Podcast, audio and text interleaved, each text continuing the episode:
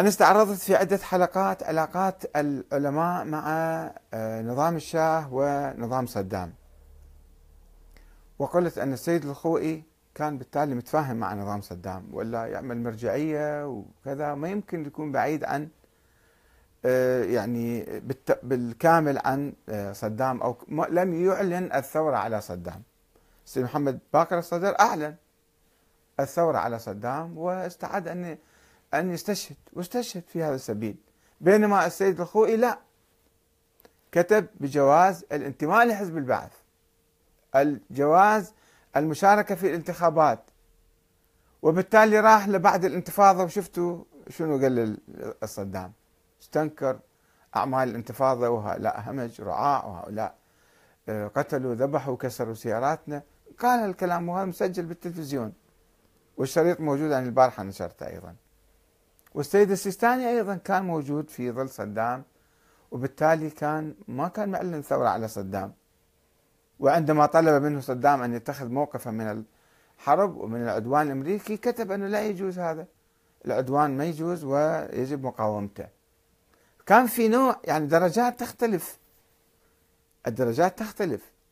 السيد محمد آه، آه، صدر كان إيه، يعني عنده تجربة فريدة. وأنا لو كنت مكانه وقلت أنا هذا الكلام أنا كنت لو كنت مكانه كنت أسوي نفس الشيء سواه. أنا ما اريد أدين السيد محمد الصدر أو انتقده وإنما استعرضت تاريخيا فقط. قصة حقيقية جرت كما هي يعني معروفة لدى جميع الناس اللي شاهدوا ذاك العصر.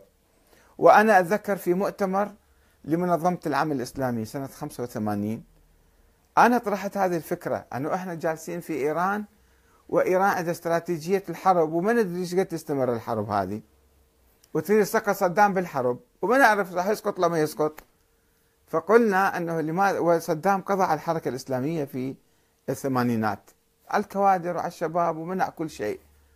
فكان عندي فكرة أنه لماذا لا نتبع استراتيجية أخرى؟ خلي العمل العسكري بمكانه نتبع استراتيجية أخرى في عمل آخر عمل ثقافي تربوي أخلاقي ديني في العراق ما يصير نترك البلد لصدام هكذا.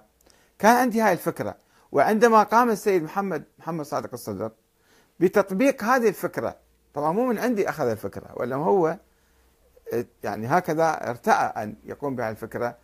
أنا شعرت أن هذا عمل حكيم وجيد وضروري أن يكون في العراق هكذا. ولا يدل على العمالة. ولو بعض الناس في تلك الأيام سواء في النجف أو في الخارج في المجلس الأعلى ما فهموا هذه الخطوة من السيد محمد الصدر. وربما تذكرون المبلغ ما أدري كذا الرسالي في آه، مجلة المجلس الأعلى اللي تهجمت على الصدر. وشكت في عمل أنه كيف هو الآن ينطلق ويتحرك وكذا وسحب البساط من تحت آه، أقدام المجلس الأعلى. فهذا إذا قلنا أن السيد محمد الصدر تفاهم مع صدام في عمل معين أنه أنت روح أعمل بالعمل الديني ولا توصل للسياسة وأنا خليني بالسياسة ولا تجي يمي أنت وأنا ما أجي يمك روح أنت أعمل. هذا شيء جيد اتفاق جنتلمان هذا. البعض يطالبني وين مكتوب وين موقع. مو اتفاق موقع هو عمل نتيجة مالته.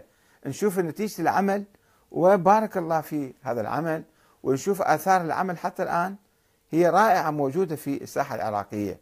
هذا التيار الصدري العريض اللي تشوفوه اليوم. لو مو سيد محمد الصدر كان آه، قايم بهذه الخطوة لما وجدتم أي شيء من هذا التيار. هاي الجماهير المؤمنة في التيار الصدري. من صنعها؟ من رباها؟ من حرضها؟ من ثقفها؟ السيد محمد الصدر ثقفها. فكان عمل إيجابي. أنا لست في معرض النقد ولم يكن كلامي نقدا له. وإذا في نقد أنا أقوله أنا مو خايف من أحد. أنا أنتقد السيد السيستاني أنتقد أي واحد. ما عندي مانع. ولكن أقول كلام الحق. إذا عمل إيجابي أقول هذا عمل إيجابي. السيد السيستاني قلت أنه عنده ثلاث خطوات لتوحيد الشعب العراقي. إقرار الدستور منع الفتنة الطائفية الرد على الزرقاوي عندما أعلن الحرب ودعم المساجد السنية في المناطق الشيعية. ثلاث خطوات قام بها السيستاني رائعة وجيدة وعظيمة ولكن في نفس الوقت أتساءل وأنتقد يمكن في بعض الجوانب. فأنا ما عندي لا مدح لأحد ولا ذم لأحد. أتكلم بصورة موضوعية. اللي أشوفه صحيح أقول واللي أشوفه خطأ في نظري أقول هذا خطأ. وأنا لم أقل أن خطوة الشهيد الصدر في التفاهم مع صدام كانت سلبية أو سيئة أو خاطئة. بالعكس أنا أؤيد هذه الخطوة. سابقا كنت أؤيد والآن أؤيدها ولم أنتقدها يوم من الأيام. أنا أقرأ لكم ما كتبته في الفقرة الأخيرة في حديثي عن السيد محمد باقر الصدر. قلت أن صدام والاتفاق مع السيد محمد الصدر. اتفاق. وليس تعاون وليس عمالة وليس خيانة. قلت رغم حملة القمع التي قام بها صدام حسين ضد كوادر الدعوة والعمل الإسلامي بصورة عامة خلال الثمانينات فقد وجد نفسه بأنه يجلس على بركان خامد. انفجر فجأة في أعقاب حرب الكويت وانتفاضة آذار 1991 وأدرك صدام بأن الشعب العراقي الشيعي يعني يكن حبا عميقا للجمهورية الإسلامية الإيرانية ويرتبط بعلاقات وثيقة مع قيادة المعارضة الإسلامية العراقية المتواجدة في إيران. المجلس الأعلى للثورة الإسلامية في العراق اللي كان مكون من كل المنظمات العراقية بقيادة السيد محمد باقر الحكيم رحمة الله عليه. وتوصل صدام إلى ضرورة التنسيق مع مرجعية دينية شيعية عراقية. تحقق له السيطرة على الشارع الشيعي العراقي. يعني يفصل الشارع العراقي عن إيران. وتفصله عن إيران والمجلس الأعلى والسيد باقر الحكيم. حتى لا تتكرر انتفاضة آذار 1991 فأخرج السيد محمد محمد صادق الصدر من السجن. واتفق معه على دعم مرجعيته سياسيا وإداريا وماليا.